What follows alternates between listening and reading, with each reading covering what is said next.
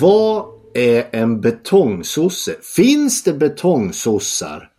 Och vad skulle betongsossar kunna göra för våra samhällsproblem? Du lyssnar på Radio Bulletin med mig Per Gudmundsson, ledarskribent på Bulletin och jag har dessutom som vanligt Enmansuniversitetet i Manchester. Vad heter du? Dan Korn heter jag som ska podda med dem. Jag är enmansuniversitet vet jag inte, men du är ju själv universalgeni. Så att, och, eh, ja, jag ber om ursäkt för att jag börjar med mig själv, men dagen till ära så har vi en hedersgäst. Jan Emanuel Johansson. Välkommen!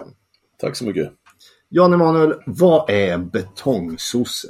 Ja, jag tror att det finns ganska många olika definitioner av det. Jag, jag tror att det växte ju fram lite grann som, en, som någonting lite hånfullt under en period. Men jag skulle definiera en, en betongsosse som en person som inte bara tänker fram till nästkommande valperiod. Utan någon som spår konsekvenser kanske 20 och 30 och kanske 100 år framåt. Det vill säga att man... Jag tänker lite Gunnar och Alva Myrdal. Jag skulle säga att det var lite av fundamentet i den betong som blev betongsossen. Det vill säga att man faktiskt eh, man kan göra en social planering av ett land och landets befolkning och man kan också, man kan också spå konsekvenser av politiskt handlande. Och där ser jag dem som stora föredömen. Jag säger om mig själv att jag är betongsosse för att jag tycker att det är någonting fint. Jag, jag, jag, tycker om trygghet. Jag tycker trygghet är kanske en av de finaste begreppen vi har. Där kan det bakas in mycket positivt. Och jag skulle säga att betongsossen står just för det. Det kanske det är lite saktfärdiga, det faktiskt konservativa i socialdemokratin, det är betongsossarna. De som står fast även när det blåser och som inte sätter upp fingret för att känna sig, ah, vad ska vi tycka idag? Utan som vet att håller jag fast vid det här så kanske jag inte är populär just imorgon. Det kanske inte är så att de som just nu bär på det politiska modet kommer att tycka om mig. Men jag tjänar folket. Men du antyder alltså att dagens socialdemokrater är något helt annat. Hur skulle du beskriva dem då? Ja, det är en, en, en form av vindflöjel eh, pol, politiskt parti som helt eller ja, jag skulle faktiskt säga, jag skulle, först skulle jag säga till en viss del, men tittar man till vad, så som socialdemokratin har senaste mandatperioden och även mandatperioden innan dess agerat så, så är det just med, med den fullständiga bristen av långsiktig planering, eller det som faktiskt är socialdemokrati. Socialdemokrati är att ta ansvar. Man flyr inte ansvaret utan man, man bröstar det också för kommande generationer. Och eh, det är precis det socialdemokratin behöver. Men det socialdemokratiska partiet har gjort någonting fullständigt omvänt den senaste tiden. Och det är för mig, tragik är ett stort ord. Det bär mycket, men jag skulle säga att det är just det, det är en tragik. Skulle du vilja att det blev eh, regeringsbyte nästa år?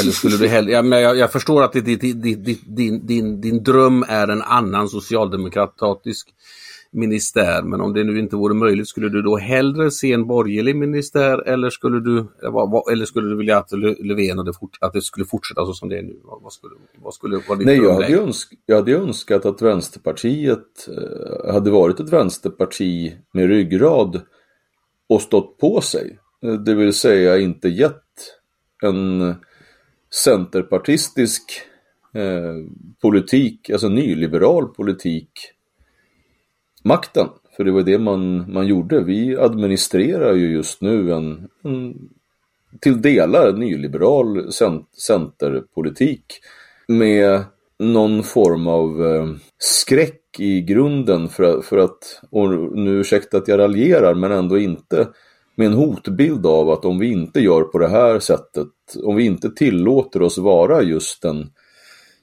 ett parti som genomför någon annans politik, då blir det typ nazism. Och jag tycker inte att det är, det är inte värdigt ett regeringsfähigt parti att resonera på det sättet. Det är inte värdigt att, att, att, att, låtsas som att det finns en hotbild som, som, som är intellektuellt genant att ropa efter.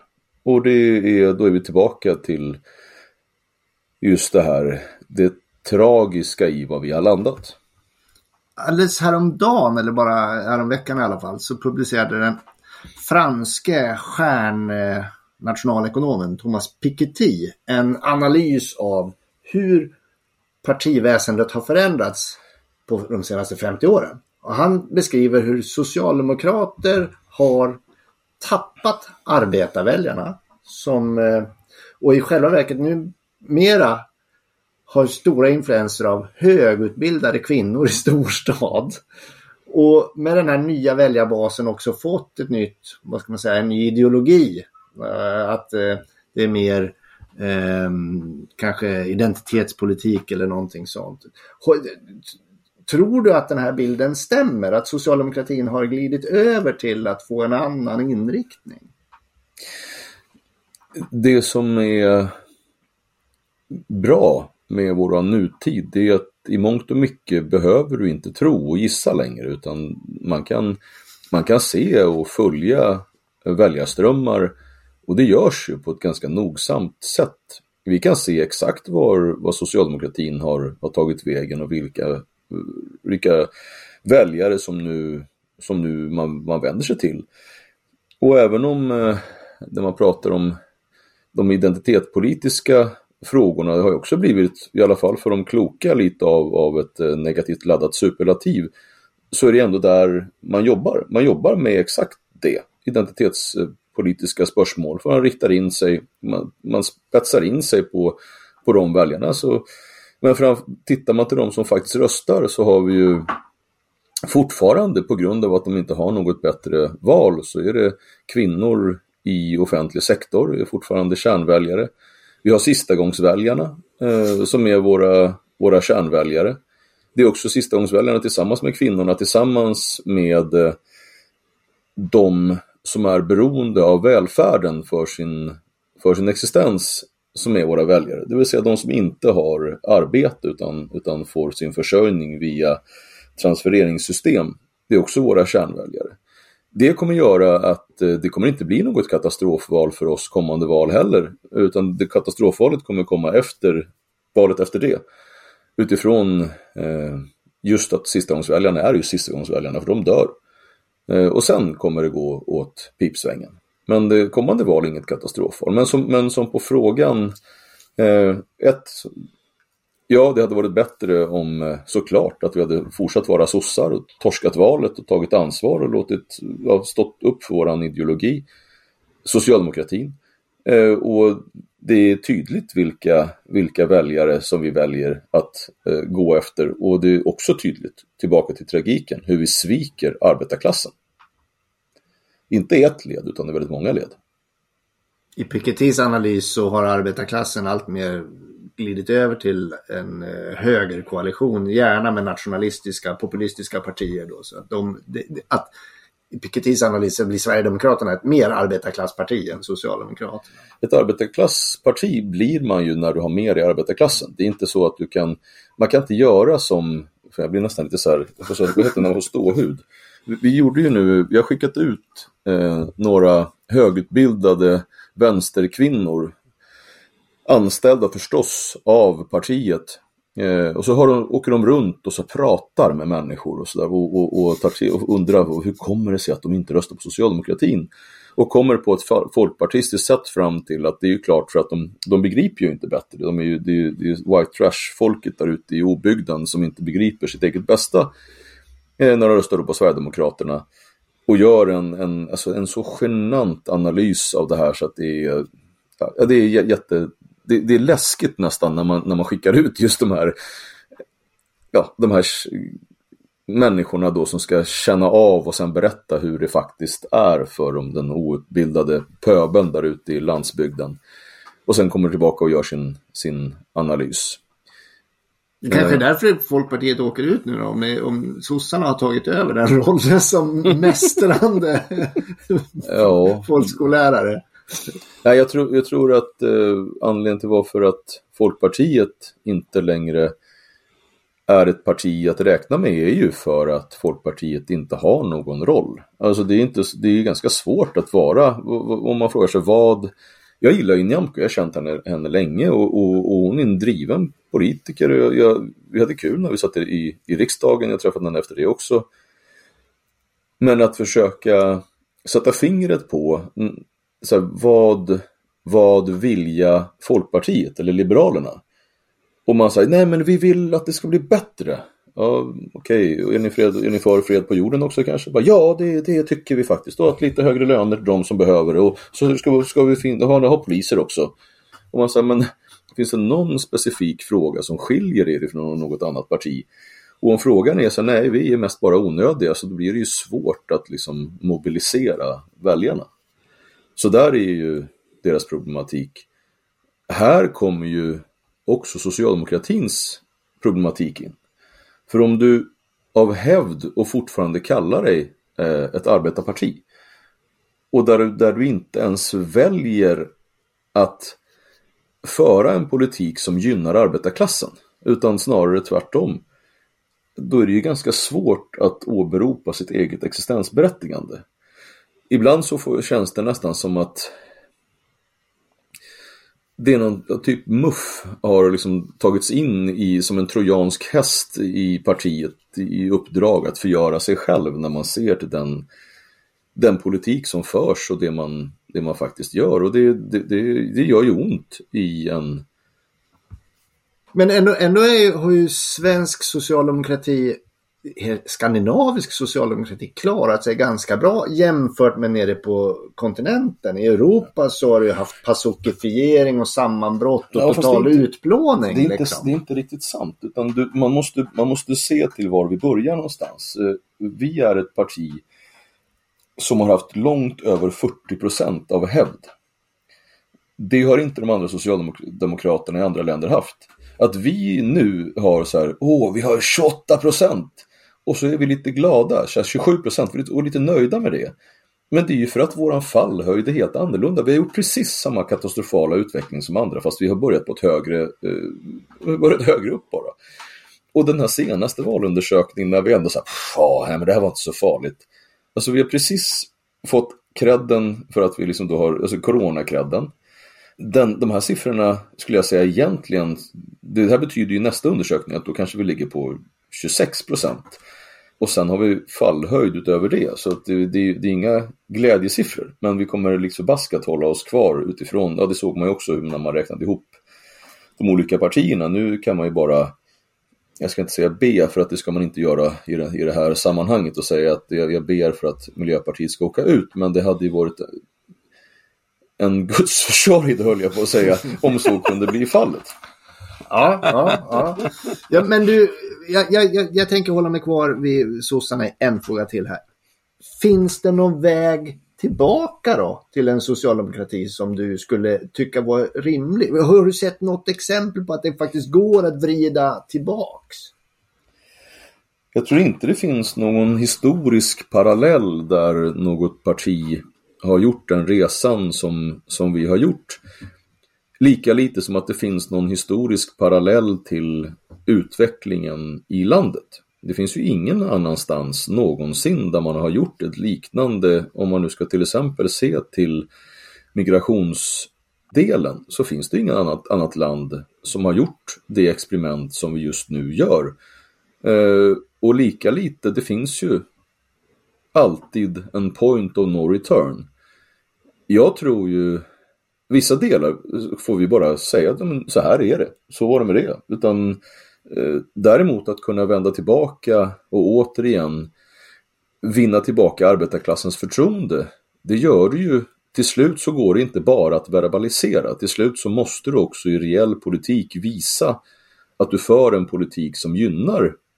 Jag, skulle, jag älskar ju, det här är ett slarvigt begrepp, men den vanliga människan. För att, vem är den vanliga människan då? Ja, den vanliga människan är han som håller käften och går till jobbet och gnäller inte. Han som bär upp det här landet, det är den vanliga människan. Och den, när man pratar om en politik som faktiskt gynnar den vanliga människan, bara då kan vi också få tillbaka en form av förtroende. Och jag tror tyvärr, eller tyvärr, ska vi få det, så kan man inte bara så här, ja, okej, den här ministern, vad gjorde han då? Nej, men han gjorde bort sig så ända in i vasken på den här posten. Vad gör vi med honom då? Nej, men honom ger vi, nu ger vi en ny roll, som, fast på ett annat ämbete. Nej! På, på samma sätt att det ska finnas ett tjänstemannaansvar så måste det finnas ett politiskt ansvar. Så jag skulle säga att vi måste, vi måste byta ut precis hela ledningen, hela ministären. Då kan vi börja prata igen.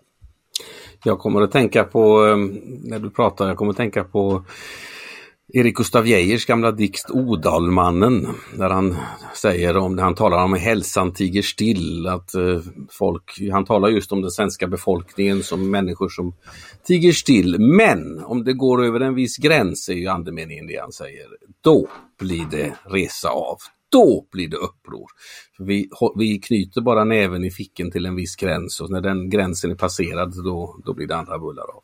Jag måste säga också, jag kommer att tänka på det du sa, det, det, är tydligt att vi har ett folkparti då utan folk och ett arbetarparti utan arbetare. Ja, det, den analysen, där satte du huvudet. Det, enmansuniversitetet gjorde en snabb och korrekt analys skulle jag säga.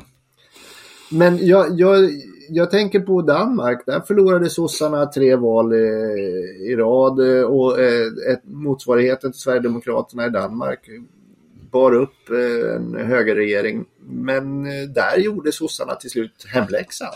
Skulle det vara möjligt här? Vad är det som säger att inte Morgan Johansson två veckor före valet säger nu, nu gör vi som i Danmark? Ja, med stor sannolikhet så kommer Morgan Johansson göra, säga exakt så. Men Morgan Johansson har ju varit med, jag känner ju Morgan sedan sen länge, vi satt ju i riksdagen tillsammans. Han, har ju, han är ju en politisk eh, amöba. Alltså en, han är ju en, en, en politisk transvestit höll jag på att säga. Jag tror det kanske inte var helt Ja, det är ju en skicklighet där i naturligtvis. Ja, han har ju bytt alltså ifrån att ha varit, och all respekt, jag gillar Morgan som person.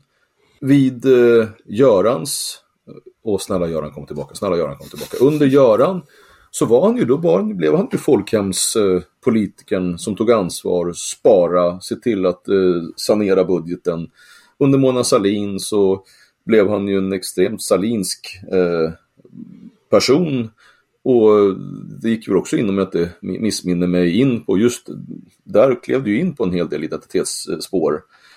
Sen under, um, under Håkan så då blev han ju helt plötsligt ganska ideologisk och lite vänster. Eh, och sen så, ja, så blev han ju öppna dina gränser Morgan, eller öppna dina, så här, vi visste inte att vi såg den inte komma Morgan. Och sen nu så har han så här hårdare tag Morgan.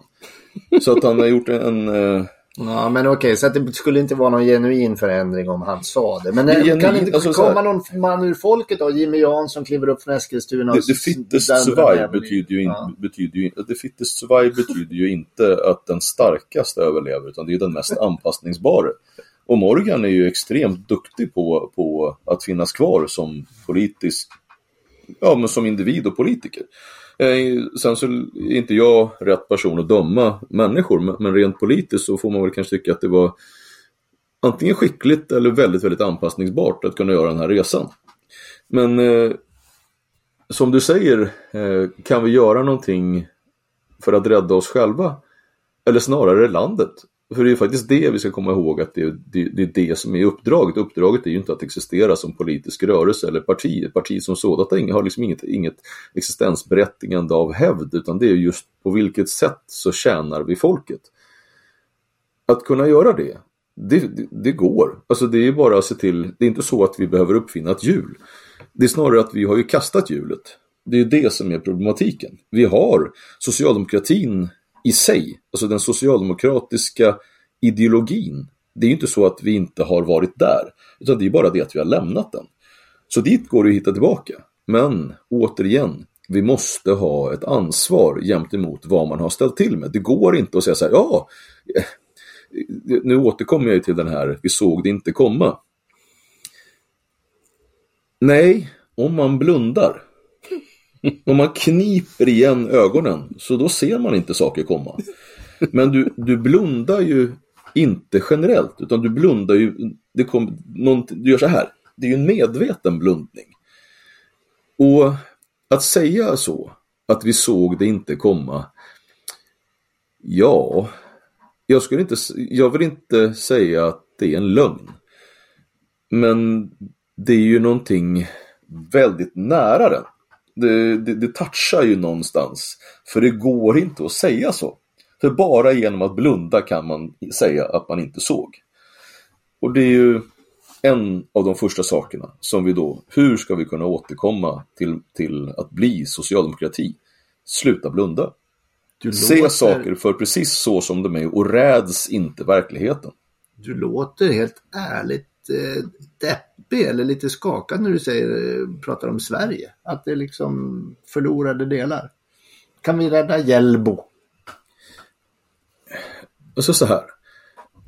Det kommer aldrig bli, det finns, alltså redan nu, så den demografiska förändring som sker i ett land och en kultur vid en sån extrem påfrestning som, som en sån förändring ger vid handen. Det är ingenting som man säger så ja nej men absolut, det finns ju många olika sätt att man säger, men jo men det finns sätt att agera. Och då säger vi till exempel så här, jo men alltså om vi bara utbildar alla, då blir det bra. Och det är, ju en, det är ju en utopi som om du bara tänker lite längre, om du bara återigen vägrar att blunda, så är inte det sant. För att om, om man tittar på de människorna som till exempel har kommit till, till, till Sverige. Om det kommer en person i, i kanske 40-30 års åldern som var analfabet även på sitt eget språk. Och så ska vi utbilda den personen. Och sen ska han sättas i arbete. Han är ju, han är ju liksom lagom pensionsålder innan det är gjort. Det är inte en sån person.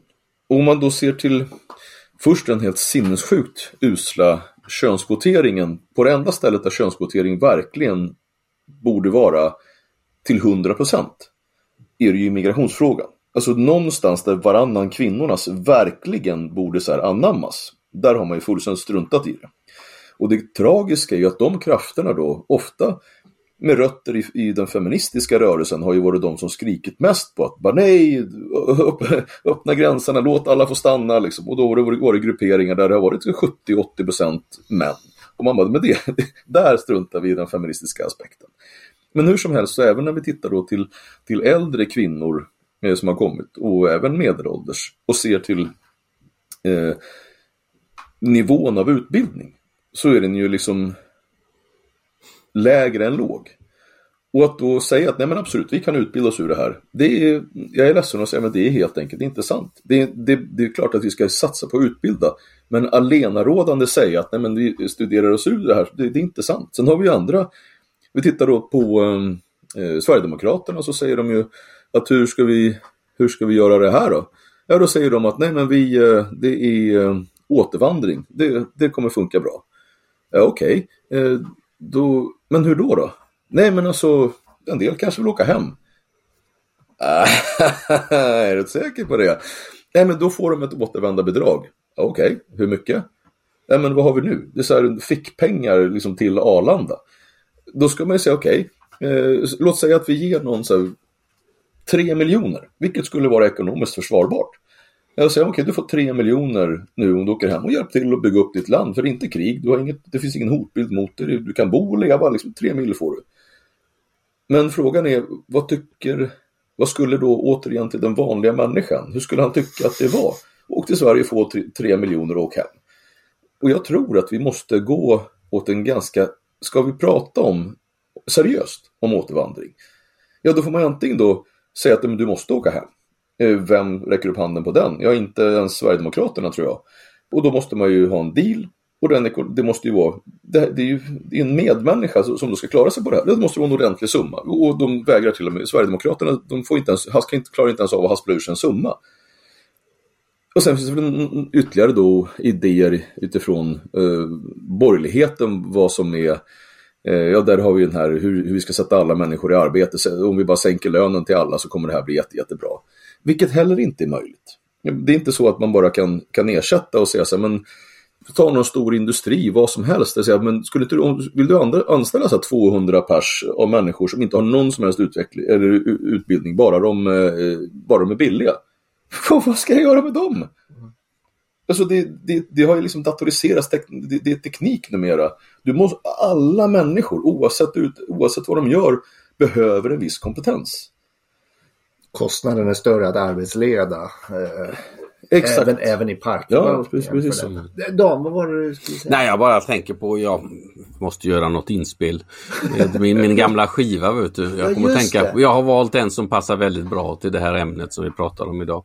För att um, just den här förvirringen, den, den, jag har en skiva som är inspelad innan Eh, per Albin Hansson kom till makten 1932. Utan det, som faktiskt ännu tidigare och den talar om den förvirring som präglar Sverige. Så att en del saker är ju sånt som har varit gamla som...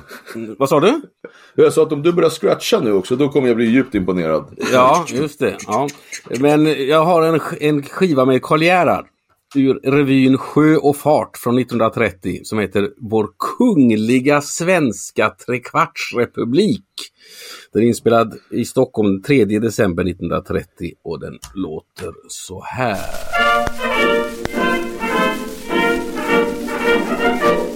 Av herr Mussolini hörs ekot här hemma när han håller hetsande tal mot Frans. Det är inte utan saknar en stämma som har samma kraftiga bröst som hans. Vårt samhälle är så modern gubevars. För oss är blott konungadömet en fars. Till alla är vi demokrater fast hjärtat det klappar i takt varje gång som kungen tar emot potentater i Löwenhavsmedeltids sjuglasvagong.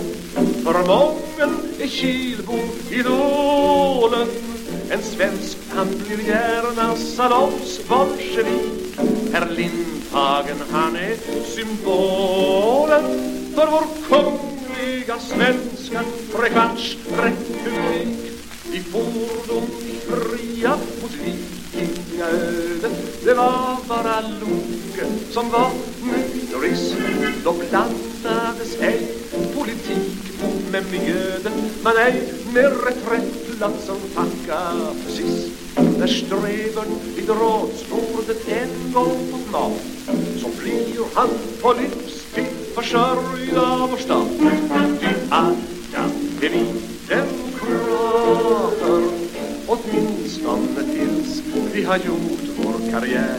Då kan ta åter till lager och ordnar som vila i vår sekretär. Ty statsmannen han är en lera som när han blir oformlig för politik i London får representera vår kungliga svenska trekvartsrepublik. Men Vissa små olje och fläskpackarkungar De tar vi på allvar Det är folk som har råd När jobben på strömmen sin ankare slungar Låt måsarna flina i Ismaråd Vi andra och skockar som får och på strand. Att se miljonären med fru gå i land. Vi andra är Har han vet att vårt land har smått Varför med förenade stater?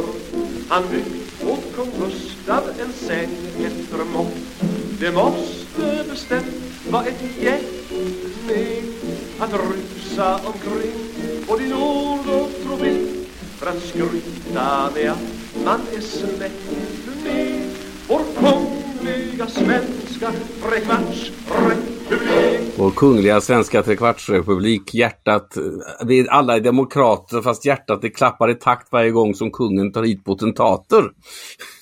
Och så slutar det då med att för många är Kilbom idolen. En svensk, han blir gärna salongsbolsjevik. För, för herr Lindhagen, han är symbolen för vår kungliga svenska trekvartsrepublik. Ja. Du förstår hur konstig man är om man sitter och lyssnar på sån där musik va? Ja, jag har inga problem med det. Jag har varit konstig. Ja, jag ville bara understryka, alltså den, sub, alltså den subkultur du tillhör, jag kände inte ens till att den fanns. Men, äh, ja. Vi har som målsättning att göra den knarrigaste podden, men det är hård konkurrens ja, ja, från Snedtänkt och andra stofiler okay. där ute. Men kan, vi, vi, jobbar ändå på det. Kan man lägga in sitt veto mot att när, om, om vi har någon fest någon gång, att du inte får vara DJ eller? Ja, du har ingen aning om vad som kommer sen. Jag avslutar alltid med en ännu, ännu konstigare skiva. Ja, ja, skönt att höra. Ja, Jan Emanuel, bara inte blir bättre. Jan Emanuel, jag måste fråga.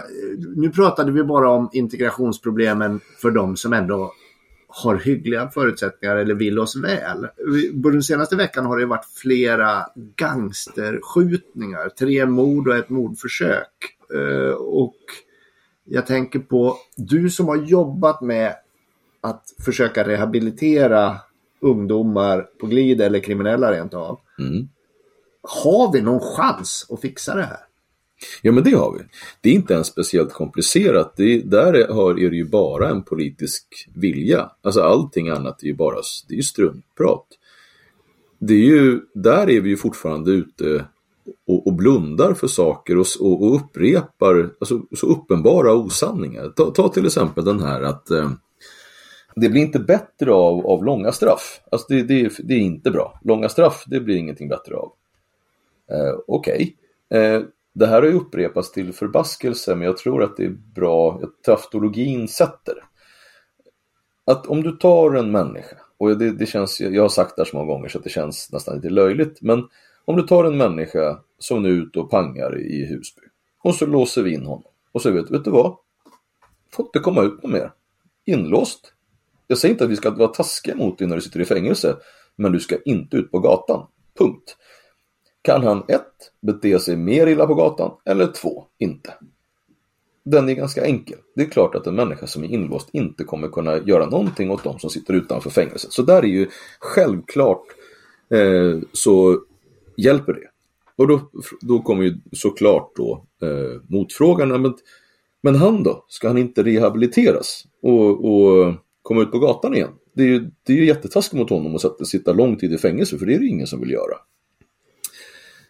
Nej, så här. Var ska politikens lojalitet finnas? Ska den finnas bland, tillbaka till, den vanliga människan, den strävsamma arbetaren som förtjänar trygghet? Eller ska vi ligga kvar i tänket att, ja, men det, att det är synd om förbrytaren? Och även om det är synd om förbrytaren, för jag skulle säga att det är synd om människan. Det är alltid synd om människan. Livet är ett lidande. Men om du beter dig på ett sätt så att det går ut över dina medmänniskor så har ditt existensberättigande att existera på gatan försvunnit. Du ska vara inlåst, punkt. Att eh, göra någonting annat, det är det är inte lojalt med människan. Jag börjar så, så den är enkel. Alltså ja, vi kan, vi, om vi tar tillbaka eh, makten, det vill säga just nu så skrattar ju folk åt våra poliser. Alltså det, det finns ju det svämmar ju över av olika filmer på nätet när, när våldsverkare står och skriker åt konstaplar och konstaplarna backar som om de, de hade anammat den här patetiska metoden i skolan att man liksom bara ska höja rösten och sätta sig på golvet. Lågaffektiva poliser. Ja, exakt, lågaffektiva poliser. Jag kan säga att det är en dålig lösning.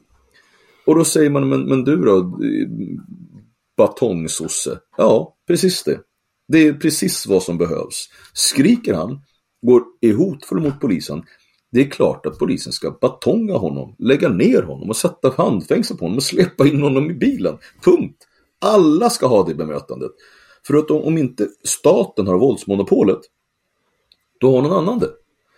Och det är beprövat. Vad händer när staten inte längre har våldsmonopolet? Ja, då finns kaos kvar. Och ingenstans kan vi tillåta kaos. Jag tänker mig när jag blir deppig att den organiserade brottsligheten eller den grova brottsligheten har blivit så omfattande nu så att även om vi skulle börja låsa in då ordentligt, vilket jag också vill naturligtvis, låsa in. Ja, det är inte naturligtvis. Det är ganska, ganska... ja.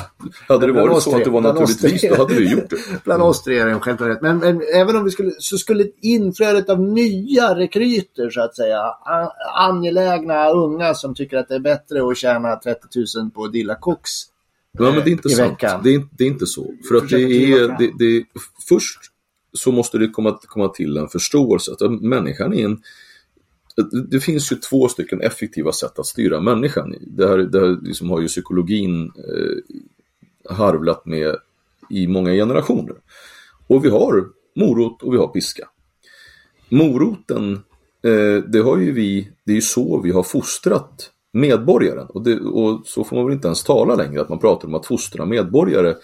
Men det är precis det man behöver göra, genom att visa på att arbete, att ar vara strävsam, planerande, hedlig, ljug helst inte ens, så kommer det gå väl för dig. Det är då du får jobba mer, mera lön, lugn, fridfullt och bra liv. Bete dig illa, piska, batong, kommer inte bli något bra. De här människorna, alla människor strävar efter status och framgång. När man inser att statusen och framgången inte alls ligger i det spektrat där man har satsat, det vill säga att just nu så skulle jag säga att det är väl egentligen en hårdare konkurrens på att försöka vara kriminell än att försöka göra karriär eh, på det vi ser det normala sättet att göra, att göra karriär. Många går ju runt och tror, alltså vanliga människor ofta går runt och har nästan en romantiserande bild kring kriminaliteten som om det vore enkelt att tjäna pengar på kriminalitet. Det är jättesvårt. Det finns extremt få framgångsrika kriminella. Att, en, att någon ungdom så bara ska tjäna ihop 30 brak, det är ju liksom, nej, det är ju därför det är så billigt att köpa kriminella handlingar. För att det är en sån hård konkurrens och det är så, de flesta är ju så ofattbart dåliga på att vara kriminella också. Så nej, absolut, om vi, om vi bara går in med hårdhandskar så som handskar ska vara när de är hårda, så kommer det också visa sig. Människor kommer se vad som är effektivt, vad, det, vad, vad ett beteende leder till och att vi också agerar på ett tidigt stadium. Det man, det man gör när man liksom tillåter små brott, tillåter alltså antisocialt beteende i, i offentliga miljöer. Så det, det, det är där du måste gå in och stoppa. Du ska ju liksom uppfostra folk från början och visa på skrik inte, sätt dig ner, bete dig som folk. Och det här med att bete sig eh, som folk, det blir ju lite svårare att definiera med tanke på att bete sig som folk, det är ju att du sätter det här begreppet i paritet till vad du upplever. Och om du, om du har en egen bakgrund där du kan bete dig på ett speciellt sätt eh, som är normaliserat, då är ju det att bete sig som folk. För att du måste ju lära dig att bete sig som folk. Och då måste samhället vara den instansen som visar och bejakar att så här ska man bete sig när man beter sig som vanligt folk. Och bara så, så kan du bete dig, annars så kommer repressalier. Det här kan ju låta nästan som lite, lite så här, ja, att, att staten blir alltför hårdhänt. Men vad, vad ska staten vara till för om den inte se till att trygga medborgaren? Det är ju liksom, det, det är basen för folkhemmet, i en trygghet. Och bara genom att sätta ner foten så kan vi vända den. Men den är som sagt den är mindre komplicerad, det är bara att göra.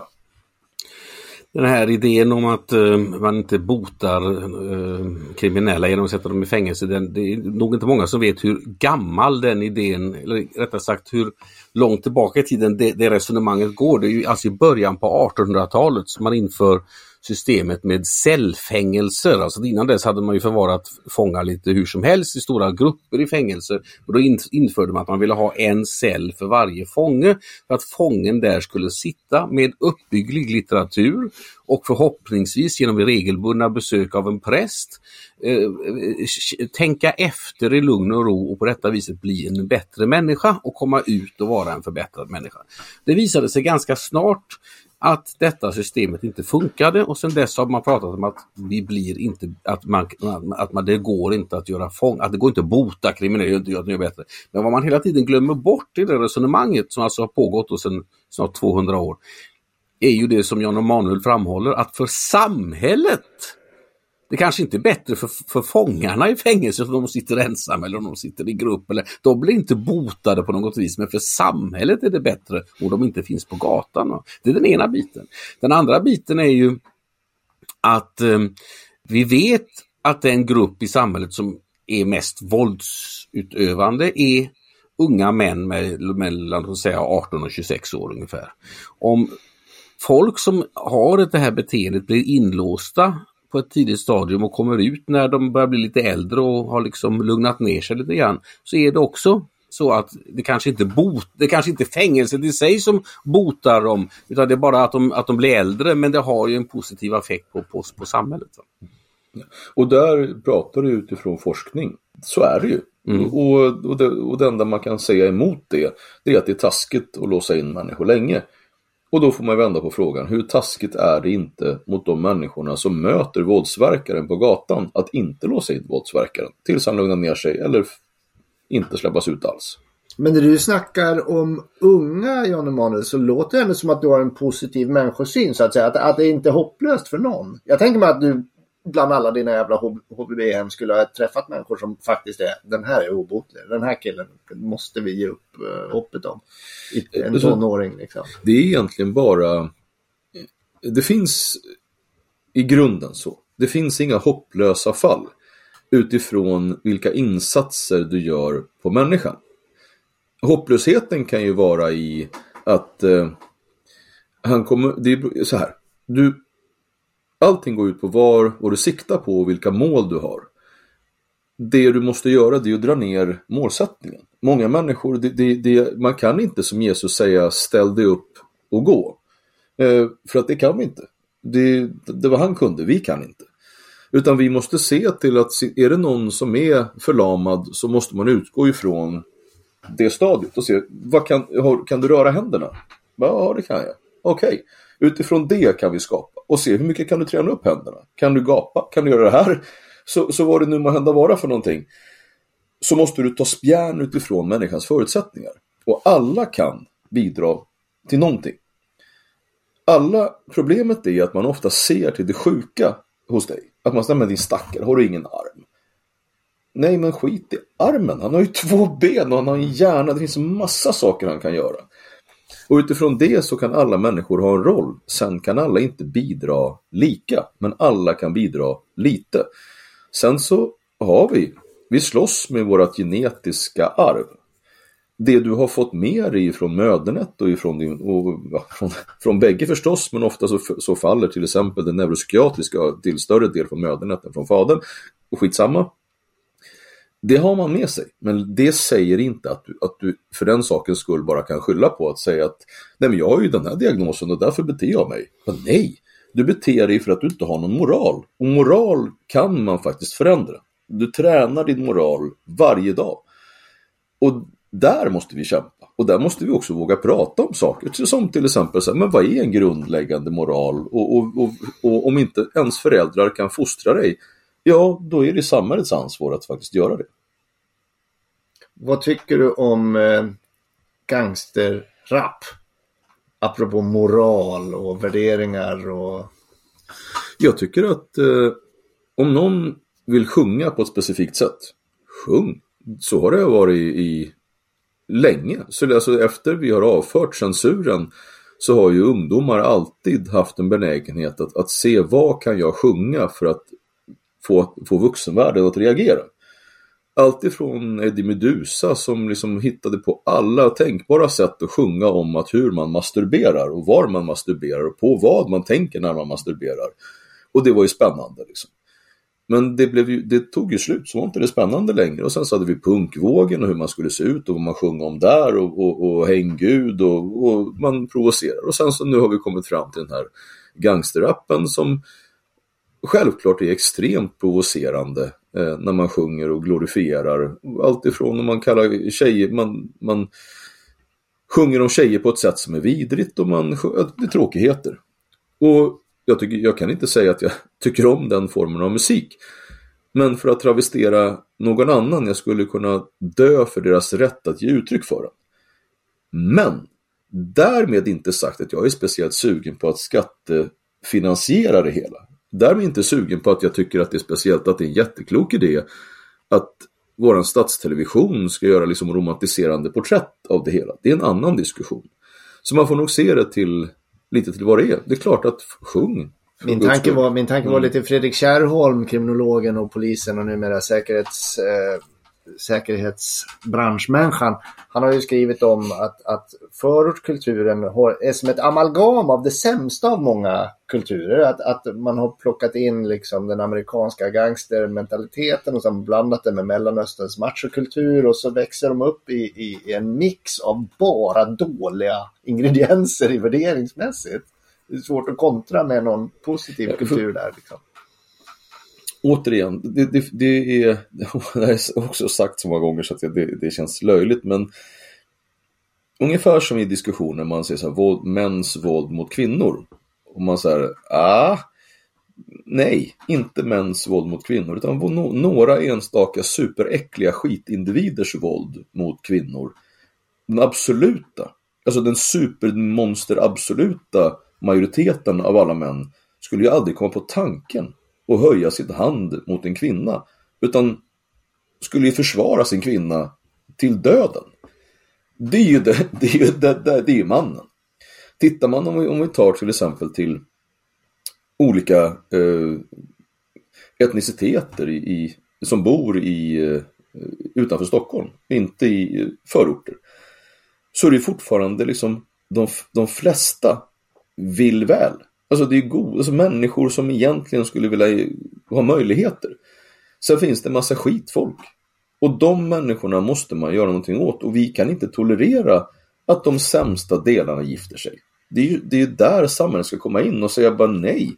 När vi, när vi på med någon form av vilja till, till vacker snällhet, så här, acceptera, men det här är, det, det är så här, men, men det är kulturellt betingat. Så det, det, man, man skiter väl jag i om det är kulturellt betingat om man beter sig illa mot kvinnor.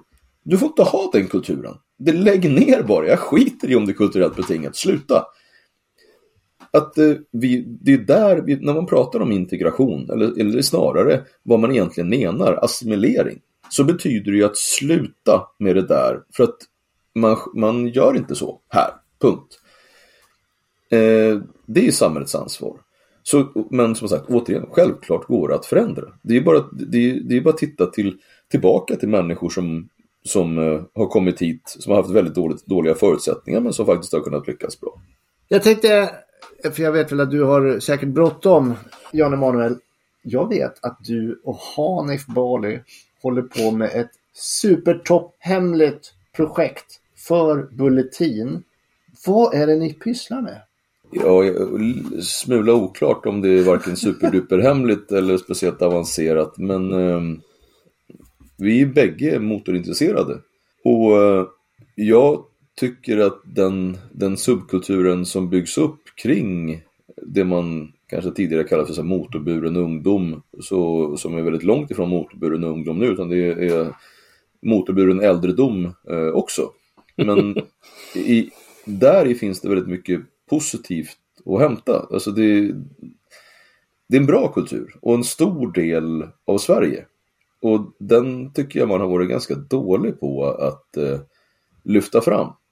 Eh, och det är till och med att man är ganska ofta ganska hånfull, särskilt mot, mot lant, lantligt belägna individer som, som ägnar sig åt, som tycker om sina bilar och motorcyklar och så vidare det, är, det, här är ju stort även i, i, i förorten. Det som skiljer det är ju alltså märket på bilarna, på vilket sätt man engagerar sig i, i bilarna.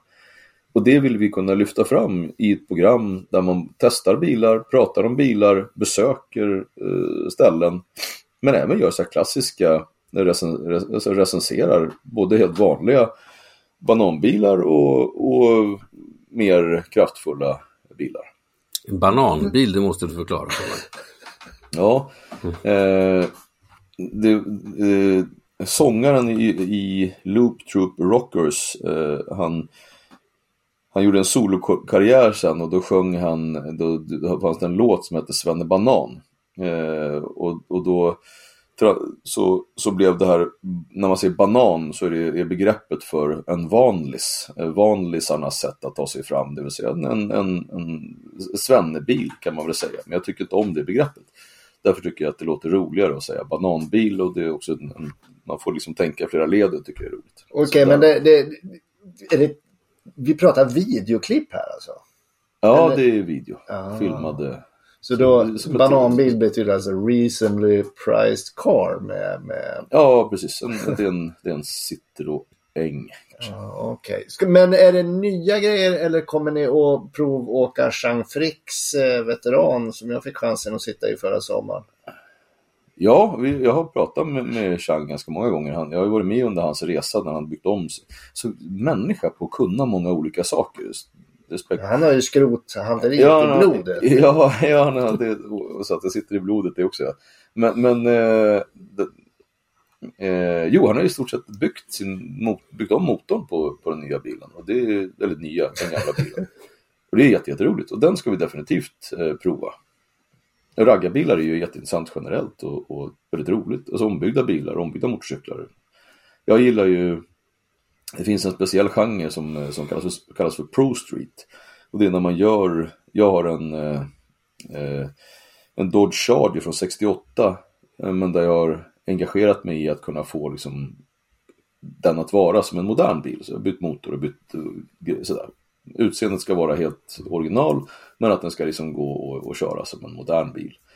Och sådana bilar tycker jag är, ja det ligger i, det är min intressesfär, så sådana kommer vi åka runt och kika på. Men du, Hanif Bali har ju tappat bort sitt körkort har jag förstått. Uh, hur ska han testa vindrutetorkarna och sånt där då medan du kör?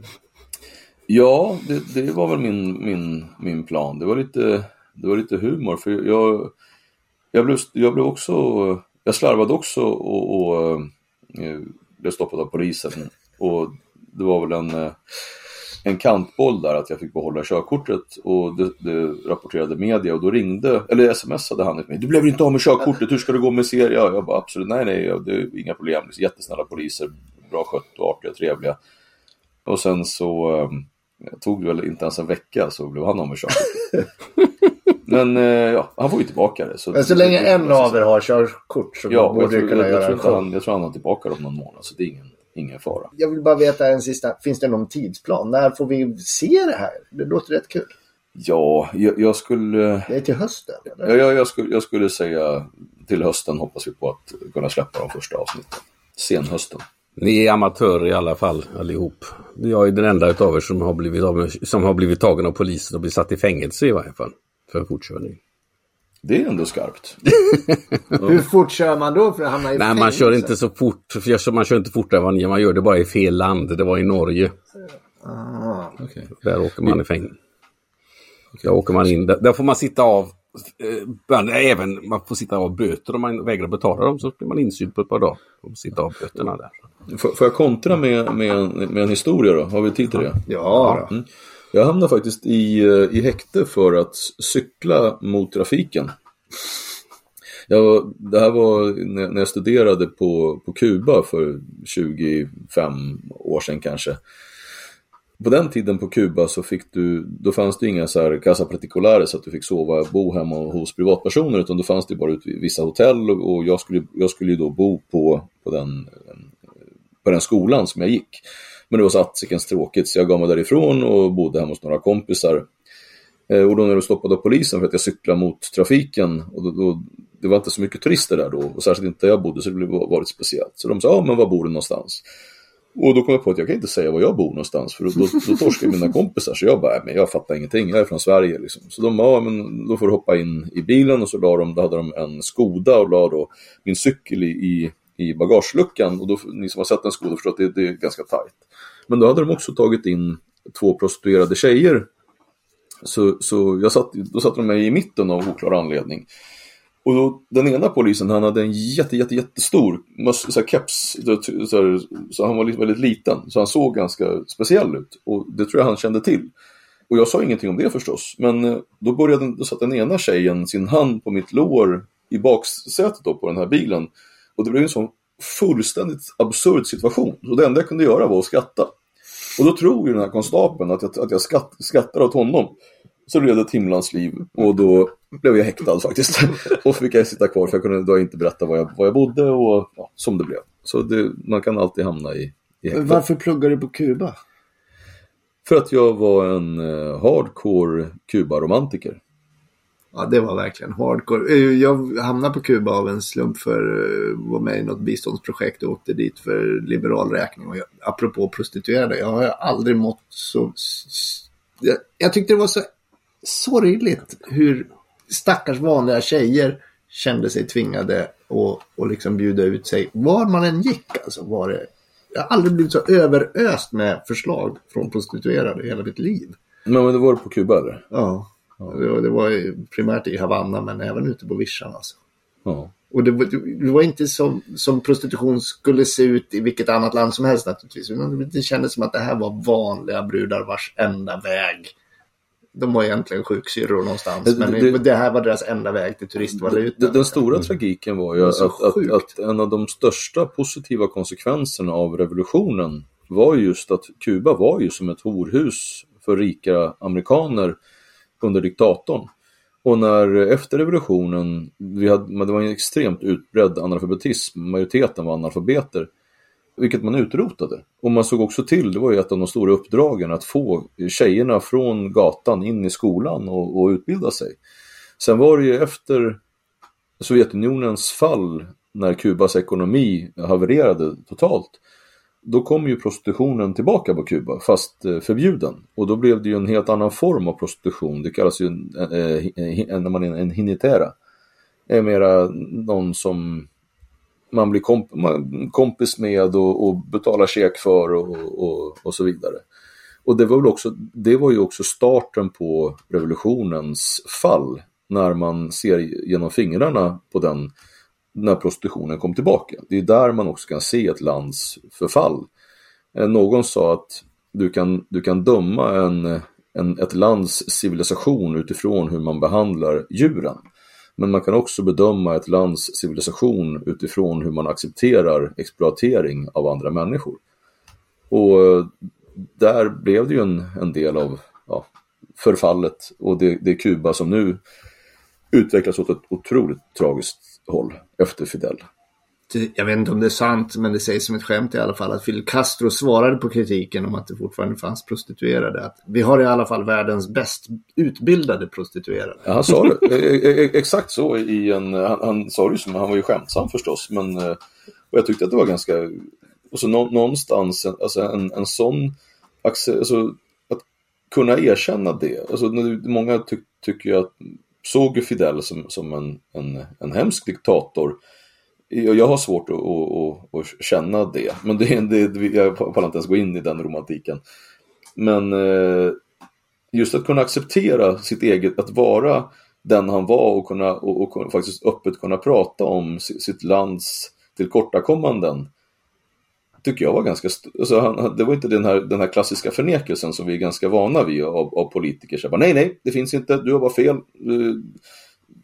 Ja, det är många länder som gör så, men han, han, han hade ändå förmågan att kunna erkänna att det här blev inte alltid bra. Du låter lite Kuba-romantisk fortfarande. Jag är, jag är post-Kuba-romantiker. Jag, jag, jag, jag tyckte ju väldigt mycket om Fidel. Alltså jag, jag, jag såg ju hans historia och, och på det, det sättet som, som de genomförde revolutionen. Ibland så brukar man säga, det, det, det finns också inom, inom, i den persiska historien när man har gjort revolutioner, så har det varit också vision, vad man krigade för. Alltså vad man, vad man faktiskt ville, inte utfallet. Och här gjorde man ju någonting som man på riktigt riskerade sitt liv för att skapa någonting bättre för folket. Och de gjorde det så otroligt helhjärtat. Alltså, de, gick, de gjorde ju en revolution med risk för sina egna liv. Och det blev, sen får folk säga vad man för den stora majoriteten så blev det faktiskt bättre under en period. Vad det, blev, vad det blivit nu är inte kul. Men eh, ja, Men jag måste ju, jag måste ju hålla med dig där, Jan Amon. Jag är kanske inte den största Fidel Castro-fantasten, men ehm, att självironi är en god egenskap. Det håller jag verkligen med om. Det, det, det, det, det, tycker jag låter, låter mycket bra. vet, du- vet ni vad jag, vad jag gick mitt första Pride-tåg var på Kuba. Eh, för över 20 år sedan så eh, då var det ett jättegäng med trans, mestadels, det, det, det var väldigt populärt med, alltså transvestiter är väldigt synliga på Kuba. Och var det väldigt, väldigt tidigt. Eh, och där hade de, det var väl mer en fest egentligen än, än en demonstrationståg. Men det var i alla fall, jag tyckte att det var, det var så, det var så, den här motsägelsefullheten i, i, i den kubanska socialismen. Där man å ena sidan eh, först under en period förtryckte kyrkan och sen så blev det liksom väldigt frikyrkligt, alltså med alla, framförallt alla de gamla religioner som är, är väldigt spridda på Kuba och alltså den religiösa, eh, alltså du, du får utöva vilken religion du vill på Kuba. Och att homosexualitet och, och, och transvestiter var liksom så, så fullständigt accepterat. Självklart så finns, det, så finns det problematik där också med människor som är, som är homofoba. Men ett sånt samhälle som var så otroligt öppet så pass tidigt, jag tycker det är jätteimponerande. Jag tror att, att efter en revolution så kan, eller efter en samhällsomvälvning så kan man mobilisera krafter så att man kan få en ökad produktivitet, man kan förbättra sin ekonomi, man kan bygga institutioner så att säga. Men socialismen kommer ändå inom några decennier att leda till en förstening. Och det är ju det som har hänt. Socialismen har aldrig någonsin, var den än har beprövats, fungerat. Kommunism är ju ett, det är ett haveri från, mm. från grunden. Det är ju, är det någonting som har beprövats, som man verkligen har testat jättemycket, alltså länge och jättemycket, byggt sådana extremt stora experiment av och som har skapat så enormt mycket lidande så är det ju ganska fascinerande att det ändå fortfarande finns människor som tycker att Nej, men det här tycker jag vi kan, vi kan testa. det är ju dokumenterat på ett sätt som är ja, så enormt och ändå bara, nej men, ja, kör. Men som sagt var, det, man, någon brukar säga att idiotens mamma är alltid gravid.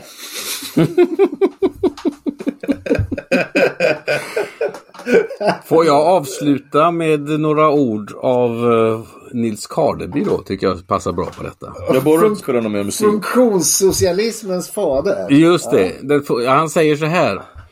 Den moderna arbetarrörelsens närmaste praktiska ursprung ligger inte i en principiell motsättning till borgarklassens utgångspunkter. Den ligger i att arbetarklassen ansett att borgarklassen i omsorg om sina egna materiella intressen förrått gemensamma ideal, inte haft sinne för även arbetarnas emancipation. Arbetarklassens kamp är ett fullföljande av, inte en brytning med borgarklassens verk. Den du. Mm, jag tycker det, det, är bra. Det är alltså Nils Karleby i Socialismen inför verkligheten. Jag tycker bara att det är en, en intressant... Jag tror inte Karleby sa någonting om det, men, men det är det som är så bra, att man, man, det ligger ju hos en själv att få tolka texter. Mm.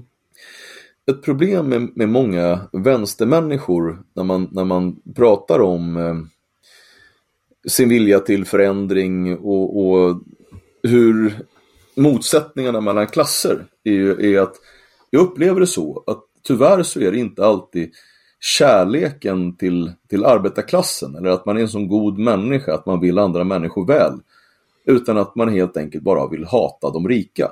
Mm. Och jag tror att när vänstern går åt det hållet, att man är så, man är så fokuserad på att få finna en, en, en fiende att hata, så man bara projicerar och projicerar sina egna och andras misslyckanden på någon bara för att de har ett visst kapital, då har man tappat inte bara sin ideologiska kompass, utan man har till och med blivit farlig.